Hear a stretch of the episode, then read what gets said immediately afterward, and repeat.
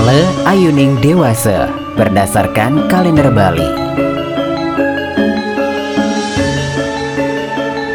Ale Ayuning Dewasa Raditipon Kulantir 17 April 2022 Baik untuk meramu obat-obatan Baik untuk membuat sumur, kolam atau jalan air Baik untuk membuat alat-alat penangkap ikan Tidak baik untuk memulai memelihara ternak Tidak baik untuk menanam padi dan jagung tidak baik untuk melaksanakan upacara atiwe-tiwe atau ngaben.